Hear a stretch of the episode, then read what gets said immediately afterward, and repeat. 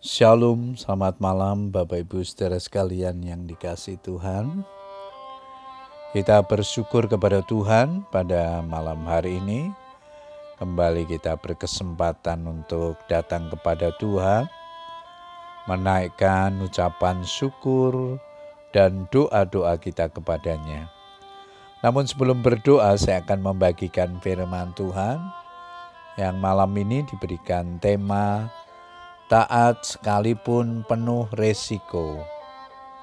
Ayat mas kita di dalam Daniel pasal 6 ayat 14 firman Tuhan berkata demikian Daniel salah seorang buangan dari Yehuda tidak mengindahkan tuanku ya raja dan tidak mengindahkan larangan yang tuanku keluarkan tetapi tiga kali sehari ia mengucapkan doanya. Bapak Ibu saudara sekalian, taat di tengah-tengah situasi yang baik dengan fasilitas mendukung adalah mudah dilakukan. Tetapi bagaimana jika situasinya tidak baik, penuh tekanan, aniaya, ancaman dan resiko? Kebanyakan orang akan berusaha mencari aman dengan melakukan tindakan kompromi daripada harus menanggung risiko. Daniel menghadapi masalah yang berat dan penuh risiko sehubungan dengan ibadatnya kepada Tuhan. Namun hal itu tidak menggoyahkan imannya.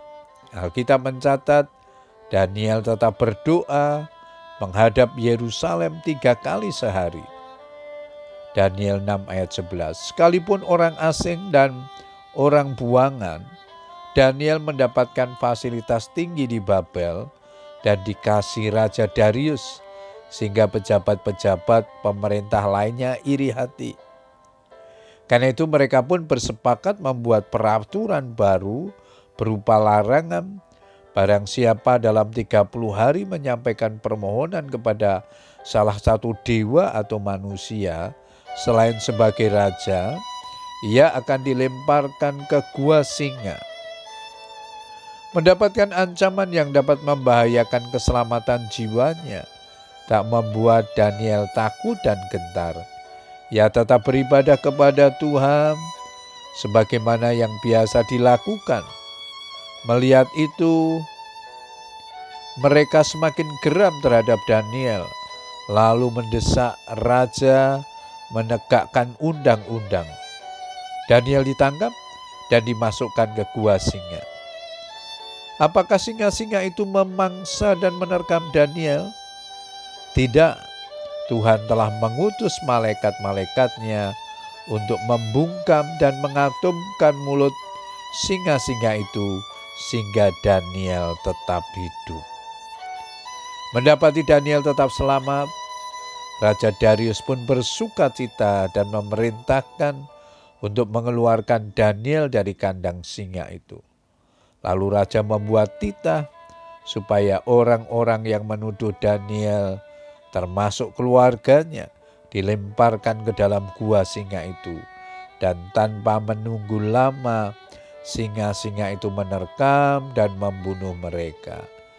Ketaatan selalu mendatangkan mujizat karena Tuhan selalu ada di pihak orang benar. 1 Korintus 15 ayat 58 Jangan goyah dan giatlah selalu dalam pekerjaan Tuhan sebab kamu tahu bahwa dalam persekutuan dengan Tuhan jerih payahmu tidak sia-sia. Puji Tuhan Bapak Ibu saudara sekalian, biarlah kebenaran firman Tuhan yang kita baca dan renungkan pada malam hari ini menjadi berkat dalam kehidupan kita.